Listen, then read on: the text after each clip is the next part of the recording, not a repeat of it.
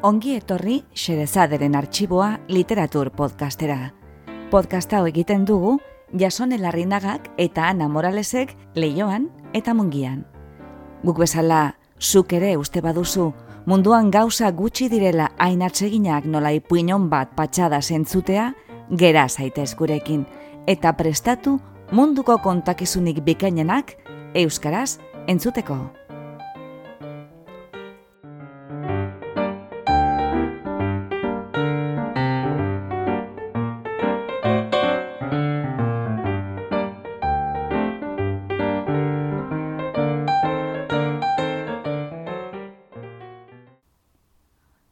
Gaur, xerezaderen arxiboan, isiltasunak gordetzen duena.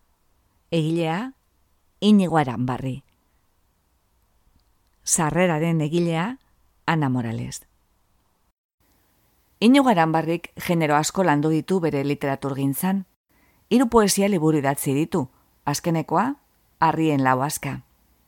Bos novela ere bai, haien artean, zulo bat uretan, zeinarekin zilarrezko euskadizaria irabazi zuen 2000 eta sortzian.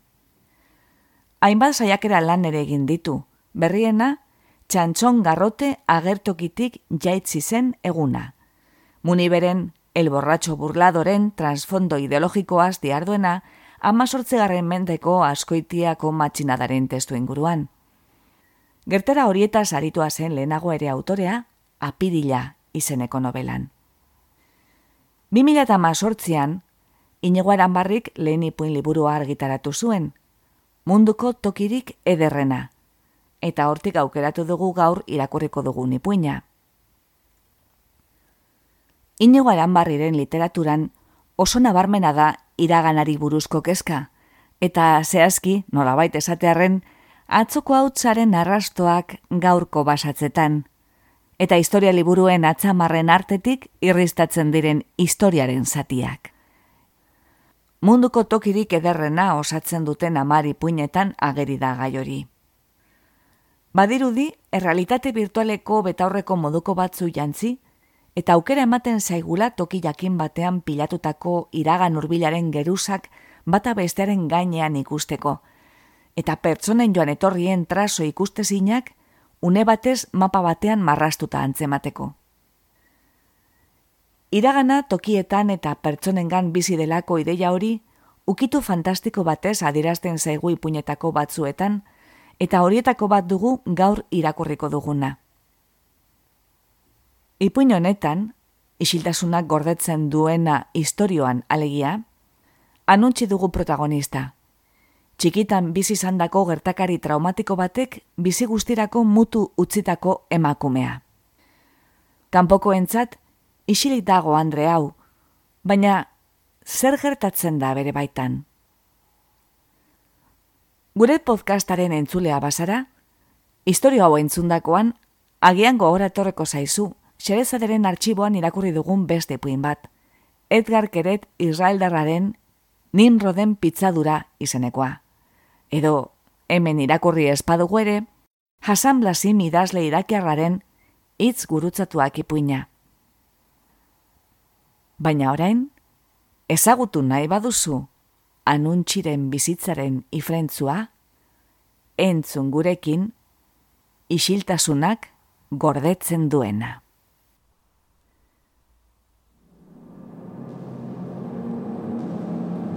Loberoan dago eguna zabaldu duenean. Zer izan da? Arramazka bat. Zaguzar baten egaldia. Masailean aurrena. Musualdean gero. Burua sakar astindu duenean, eten den lastan harin grizkara. Kolpetik biribildu ditu begi biak. Geldiro doazkio edatzen niniak. Orduan hasi zaizkio, nekean barrena eta astiro, ziegaren ertzak ilunpetatik erausten, kamaina inguruak bezperatzen. Otzak arrituak ditu eskuak. Tapaki zarpaila sudurra estaltzeraino igo duenean, izerdik iratza heldu zaio.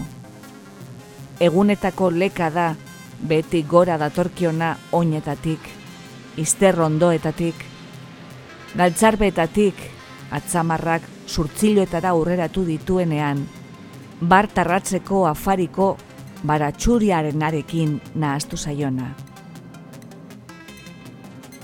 Ezin izan du ia begiri pildu. Gaua badoala abaildu da. Zakilaren bila dabil. Alferrik alegindu da esnatzen. Patio aldetik, ilaundurik datorkio mundua, indargetua argia, motelduak hotxak.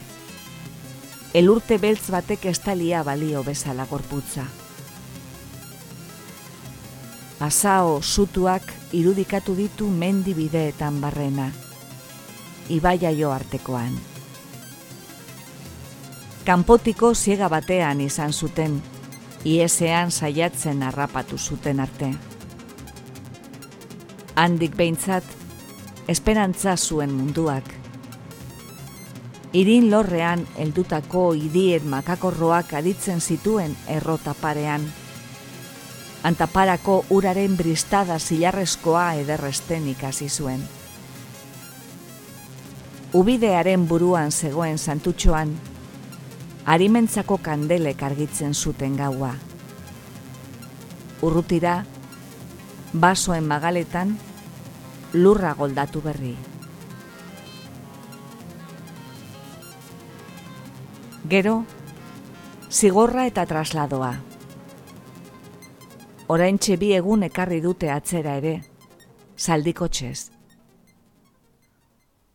Hilbeltzak gogortutako lurraren usaina kordezkatu du badiako kresala. Goizeko seiak ziren heldu ziren erako. Kuluskatik itzarri zenean irakurri zioten sententzia. Kaperako morroiloaren karrankak girara dio burua.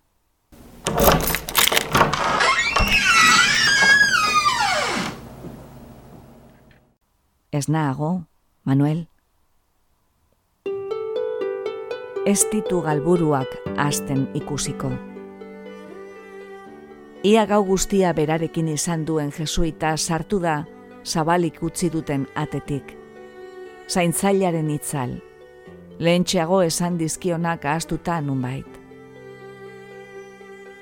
Zer duen galdetuko balio?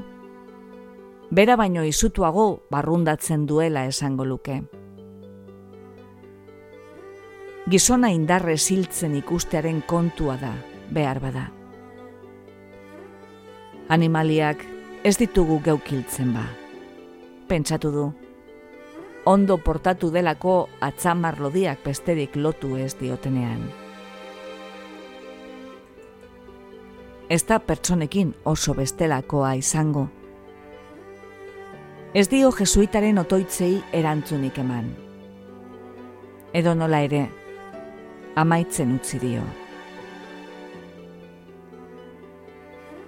Galeria eskailburuan, taldetxoa bildu da ahotsak sumatu ditu beste ziegetan. Adore emateko goratzen direnak eienak.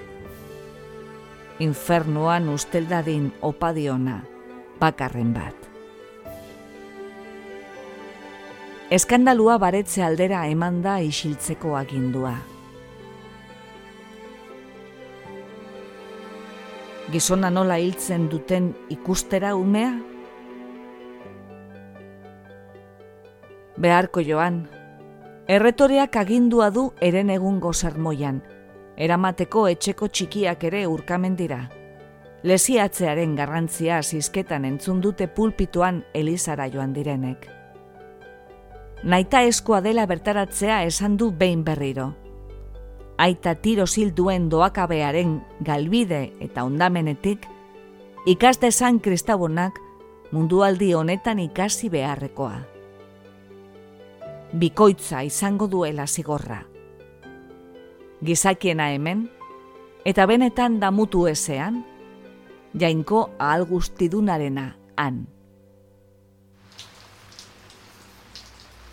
Bota alean ari du, taldea kartzela atarira irten denean. Zeru goienetara begiratu dute denek, seinaleren baten zain.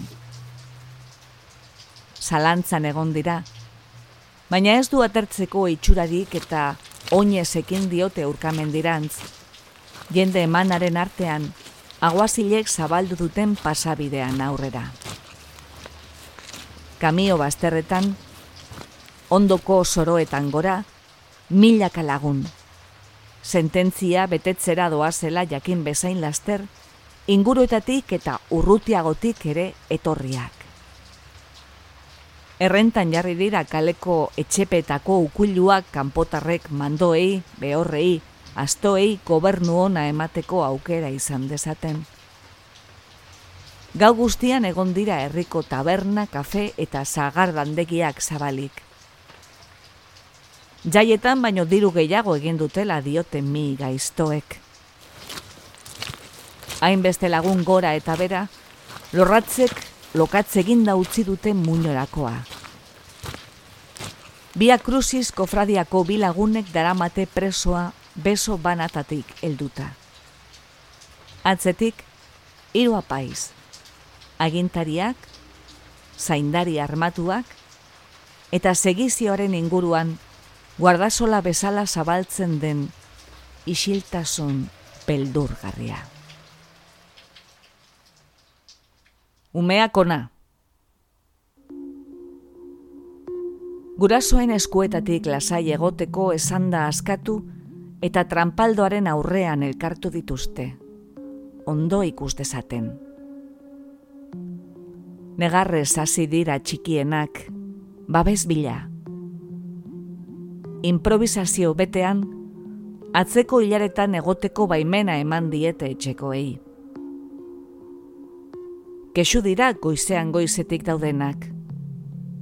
Dena atzeratu du euriak, eta zamaldak azken maldari ekin dionean, antolatu gabe daude artean aurreneko multzoak.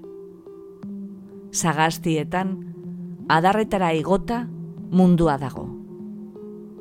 Zenbat eta gorago egin, moskor oiuak entzuten dira tarteka, ingurukoek ist eta ist, erabat isiltzea lortu ezin den arrabotza.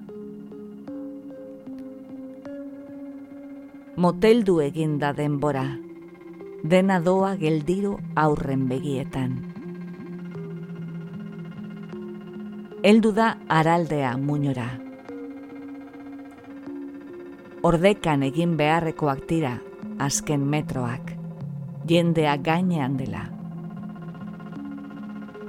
Egurrezko mailak igotzen hasi denean, egin du zalantza pixka bat, bilin balaunka ekin dio lotuak, sendo eutzi diote besoetatik daramaten kofradeek. Eror ez dadin, eldulekurik gabeko eskaileretan behera. Nobedadea egin zaiola diote. Umearen aurrez aurre erori da gizona. Anuntxik bost urte ditu eta gaixotzeko moduko blaia aldean. Aitzakia horrekin txe gelditu zaio ama etxean, ez du ulertzen nola behartu liteken inor horrelako txokeria bat ikustera. Are gutxiago umeak. Ez atoz? Bronkiotatik dabil. Eskuetatik kendu diote, libratu naia noe ondoan babestu zaion alaba lesiatu beharra daude ume hauek. Eguraldi honekin, ze behar dagoen ere. Eta begirik galdu gabe segitzen ditu anuntxik katibuaren oinak dardara txikitan azken metroetan. Zatar bustiak, arraskan bezala egosten dute ura, dotoreago batzuk ditu zain oholtzan. azkar bueltatu, gaixotu gabe. Gizon motz baten larruzko botak, presoa eserita lotuko duten tantaiaren ondoan. Borreroa omen da. Burgostik etorri dela zabaldu da. Nundago burgos? Errepikatu du, anuntxik berak ere. Segizio guztia trampaldu gainean delarik, ekin dio sermoiari jesuitetan helduenak. Banan-banan aletu ditu gizon lotuaren bekatuak. Nola hil zuen aita beroaldi batean, elkarrekin gari jotzen ari zirela. Eta preso zutelarik, nola nahi esan zuen aitaren ondra loitu, bere maztearekin tratuan zebilela esan da. Gezurra eta zikina hiltzaileak, zertarako eta diru kontuak eskutatzeko. Hori izan baitzen benetako arrazoia, oren arte gorde gogo izan duena, diru zikina. Horregatik merezi du justiziaren zigorra aurrena, eta jainkoaren barkazioa gero eta horrexegatik eskatu die bildutako ei, otoitz bat, Manuel Garmendiaren alde. Aldamenean ordurarte isilik izan duen parrokiako erretoreak, hasi duena kredo batekin.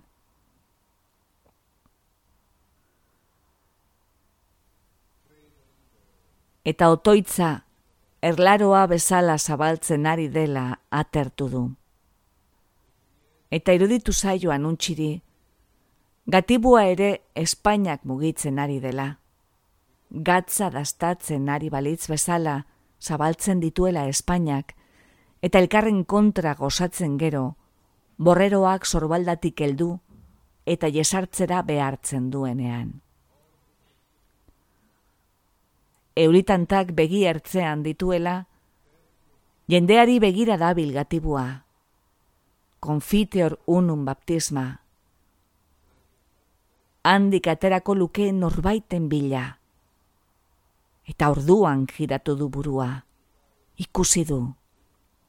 En remisionen pekatorum, eta orduan txegeratu da anuntxiren aurpegi zurbila, lepa bueltan burdinasko ustaia lotu dioten gizonaren begietan. Eta expecto resurrectionen mortuorum, eta orduan txesartu zaio, bitan benturi sekuli.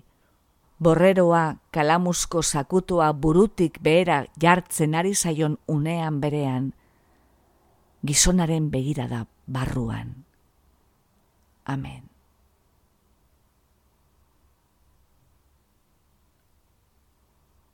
Zuek ez dakizu ezer den, inor odol otzean hiltzen ikustea.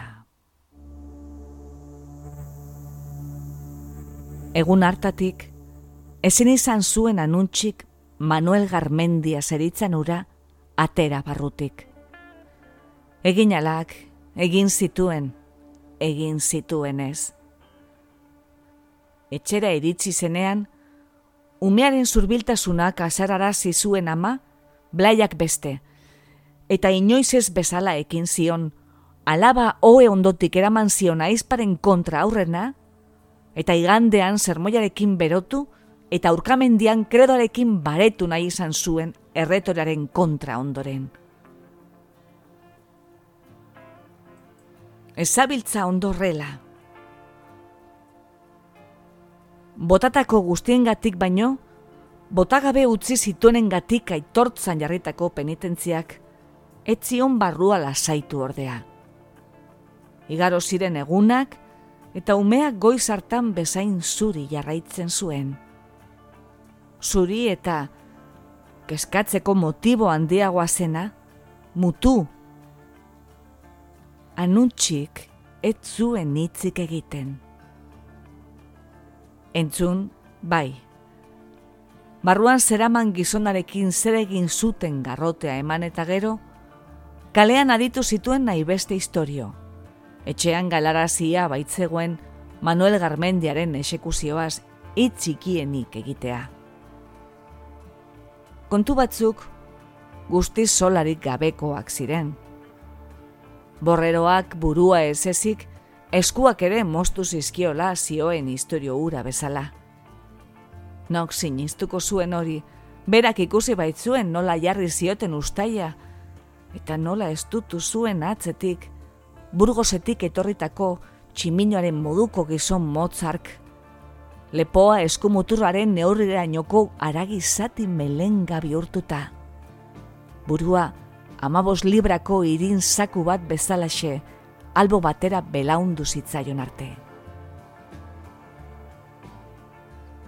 Eta ezin adierazi kezurretan ari zirela. Beste batzuk, etzuen sekula jakingo ala izan zen ala jendeak asmatuak ziren. Ikuskizuna amaitu eta gero, trampaldorako egurrak igotzeko erabili zuten mandu gurdian jetxita gorpua, denen eskarmentagarri epaitegiko atarian eserita utzi zutela zioen esamesa ura bezala. Egunetan, beleak, mikak, erroiak mokoka aldean. Errotako nagusia agertu zen arte eskaera egitera, erretiratzeko mesede zildako ura handik, harriek ezin zutela alea xeatu bestela. Oiek umeak beldurtzeko ipuinatira. Eta zer du ume politonek? Ez duela hitzik egiten. Hitz egin bai, egiten du, baina barruraka. Hitzez, nola bestela, adierazten dio begietatik sartu zitzaion gizonari, beldur dela munduarena, ez duela gustuko inguruan duena. Apaiz maskalaren eskua ahoa zabaltzeko behartzen ari dela ura hartatik edan dezan. Honek lagunduko dio, Hala esan ziela Santa Ingraztiko apaisak kontatu diote gurasoek zur honeko mailaren bestaldean dagoen espezialistari. Bertara eraman ohi direla inguruetako aurrak izketan berandu badabiltza, eta basilikako iturrira noski, santu erlarearen oinetan dagoen brontzesko otarra injiteko kanilapera. Ur bedenkatutik ito arte edanagatik ordea, mutu segitzen duela koskortzen hasitako neskak. Ezagutzen du medikuak iturria, urtero joan oida basilikara emastearekin. Zinezkeriak. Jaiotzatikoa bada, garbi dago, baina honen moduan, ezagutzen duzue hitz egiten astu zaionu medikala ezetz gura sobiek batera jaun medikuari. Zaudete lasai. Hasiko da. Ez dira gehiagotan itzuliko. Ez daukaten diru alferrik botatzen ari direla ondore ostatu dute bueltan direla. Ze, ume honek, hitz egin, hitz egiten zuen aurretik, ezta? Hitz egin goetzuen ba, orentxe bezala. Orduan kanporantz egiten zuela, amarekin, aitarekin, zenideekin, bizitan zetozkienekin, etxean beti izan baita mugimendu handia. Sarrailari lotutako kordelari tira eginda, kanpotik zabaltzen den atea. Orduan bezala ez baita inor geratu gaur daño, maaian jartzeko gobidapenik jaso gabe hori ikusi izan du etxean akordua duenetik. Eta ala kontatu hoi dio barruan daraman gizonari ere. Trebea zela izketan. Barkatzeko bere burua zorrela aritzea, baina grazia handiz kontatzen zituela egunerokoak. Ingurukoei irribarrea ebasten zien ateraldiak zituela. Mutua da? Ez, ez du hitz egin nahi. Behin berriro bere ondoan errepikatzen entzuten duen elkarrizketa. Medikua kurasoei azaldu ziena autuzko mututasunarenarekin. Nerbioetako arazo batuela, antza, muturreraino eramandako lotza moduko batek daukala lotua. Kontua da, berezia dela neska honena, autua erabatekoa baitu. Guk takigula ez du ez inon ez inorekin egiten dio medikuak. Gutxi asko, handik urteetara, beragatik galdezka helduko den gazteari, gurasoek errepikatuko dizkioten hitzak hori esek. Eskontza tratua egitera iritsita, egunen batean, umeak heltzen badira, haiekin hasiko den esperantza izpi batez agurtzen dutena. Hasiko da, zu lasai. Estei gauan, bere kasa barrez aurkitu du zenarrakelan. Eranzten ari dela, zer duen diotsonean, ezerrez, dio burua zanuntxik. Nola kontatuko dio beste gizon bat dagoela oean, hiru izango direla izar arteko jolasean, baina ez beldurtzeko, ez diola inok inoiz barrerik egin gorregatik. Anuntxik ondo ezagutzen baitu Manuel. Egin zuena egin izanagatik, berarekin bizitzen ikasi du. Denborak lehundu egin dio euripean beldurgarri agertu zitzaion gazte hiltzailea. Asko hitz egin du urte hauetan guztietan berarekin. Luze aritu dira familia handietan semealabek aurrera ateratzeko dituzten zailtasunez, aita askoren zitalkeriaz.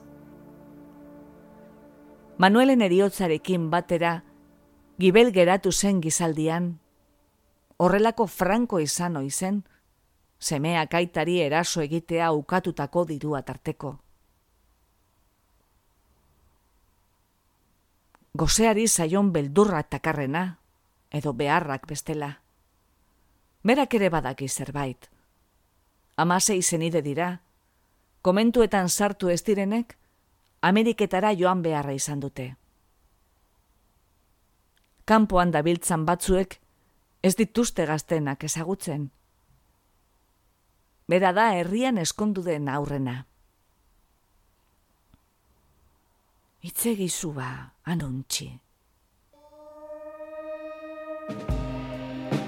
Gauero erregutzen dio senarrak izketan din. Goizero eskatzen dio arrenka, zerrara abiatu aurretik, eskulakarra masail gainean pasatuta gozatzeko bihotza arean, ia ala errezago aurkitzen duen hitzak bidea. Alferrik, ez da bihotz kontua. Eta, hala ere, izketan egingo balu bezalaxe hitz egiten diote amari, bien artean izan dituzten seme alabek. Maitasunaz ere, mintzo da Manuelekin. Zenarrari esaten ausartzen estenik ere, aitortu izan dio. Inoiz, ez diola hitz gehiagorik egingo agindu dio bere buruari. Izan ere, berarekin izan ditu beste batzuek jainkoarekin izaten dituzten solasaldiak, eta pentsatze utxarekin izuak lotu du. Gauza bat du ona Manuelenak, denbora duela alde. Dagoeneko, utxarekin bat eginik dago gehienentzataren izena. Ilarrian likenak nola, urteek jandute. Eta inon izatekotan, alako irudi lauso bat da, oroimenaren laino artean sare-sare doana, asmatutako xetasunez beteriko kontakizunean beti. Pentsatzen hasi da. Goiz euritzu hartan, kartzelatik gorako soro zelaietan bildu ziren gehienak, joan da daude. Segizioko guztiak, burgoseko borrero motza, eta biakruzizeko biko fradeak bezalaxe. Manuel bera ere, denbora handia da ez duela lehen moduan sentitzen. Itzalita bizi du. Semea galdu zuenean bezala, hiru hilabeteko zegoela. Agian norbaitek datua gordeko du, bi izpi utz, nola eman zioten garrotea, aita hil zuen gazteari, mende berriaren atalasean hortikatzera zer. Basamortua aize zakarra kastindua. Neurekin batera galduko da gizona. Dio bere bostean. Orain, eskoko dardara disimulatu ezinik, damu apur batez begiratzen dio bizitakoari. Pena du adierazi gabekoengatik. Manuelentzat izan direlako, senarra zenarentzat beharko zuketen hitzetako asko.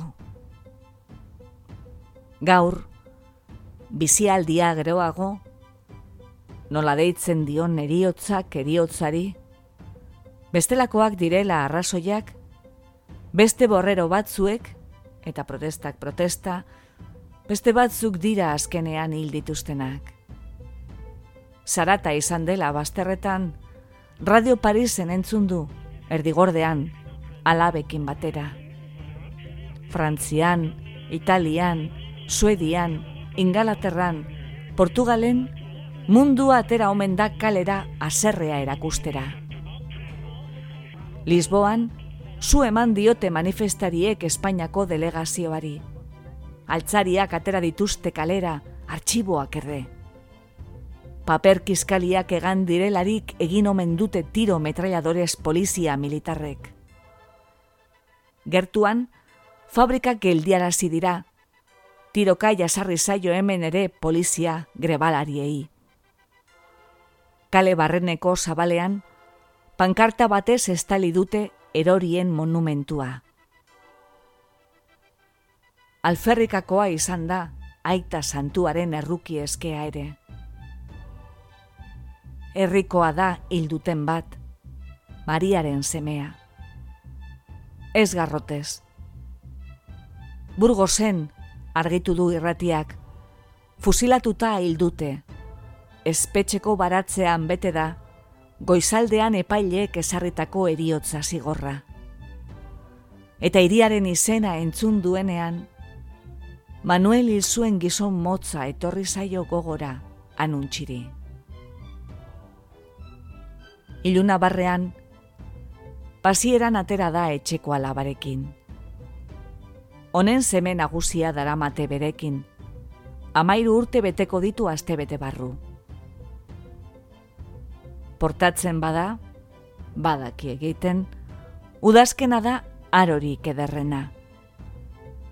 Plazatxotik pasa direnean, kendua dago pankarta harri gorrizko erreketearen gainetik. Txapela handi, hanka handiago, urrutian du galdua begira da, betiko legean. Ezoiko bidea hartu dute, kartzela zaharraren aurretik igaro dira. Horma sendo garaiak, burdinaga koraindik leioetan, untza telaturaino, ezetasunak ditu janda horma gorrikarak. Zaguzarren gordeleku izaten segitzen du, ikusi egiten du haien dantza oraindik.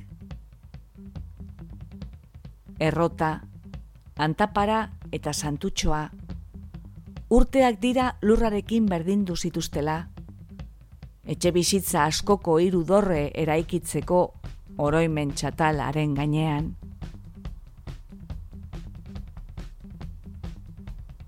Urkamendia jaso zuten muinoan, erauzitako zagarrondoen sustarretan zimenduak, institutua dago orain. Laster hasiko da hiloba bertan garia, hogei urte badira ez dela egiten.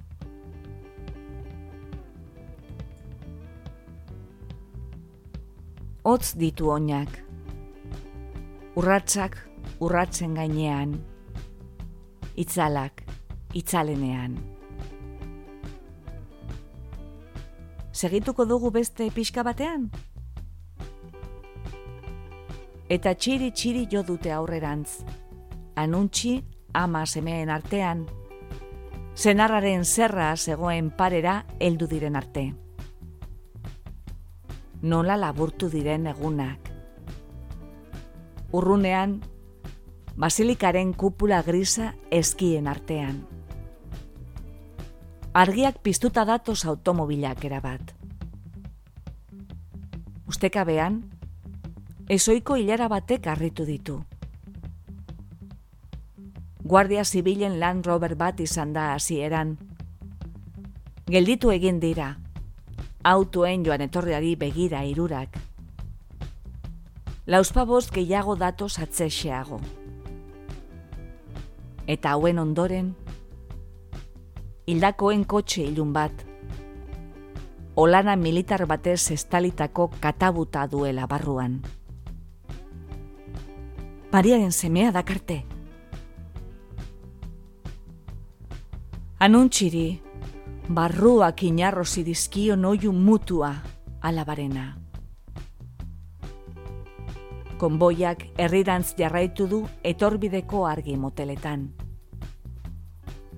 denbora beharko du oraindik hildakoaren ausora heltzeko. Pinu ilunak eta jende asaldatua ditu zain. Anuntxi iratzarri duen oiua, alderik alde darabilburua, bilobak ikusi du. Nik ezin dut.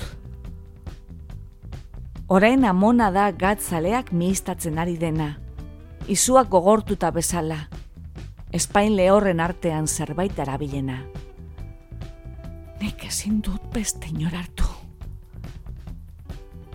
Eta etxeratu direnean, azaldura ahora, semeari agiraka ama, nola esango zuen amamak hori, posturte dituenetik badara maitzik egin gabe. Berekin izan dela bera ere, ez duela alakorik aitu, bizi guztia dara mala zain amakitz bakar bat notze zango. Jasarri egin zaio, ikestakik zer dena mamutu batekin bizi behar izatea. Anuntxi erretiratua da. Oera doala adierazi die. Jan behar du begie semea, tardaraka du ahoa. Naikoa dugu zoro bat familian.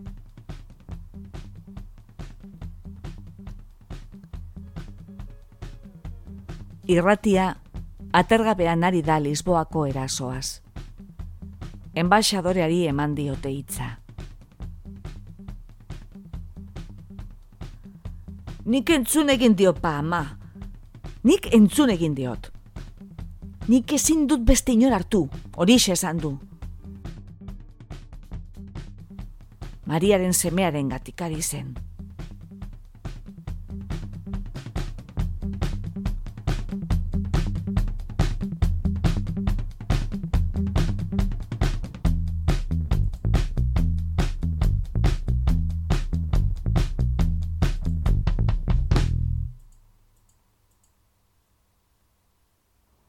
Entzun duzu isiltasunak gordetzen duena. Egilea, inigo eranbarri.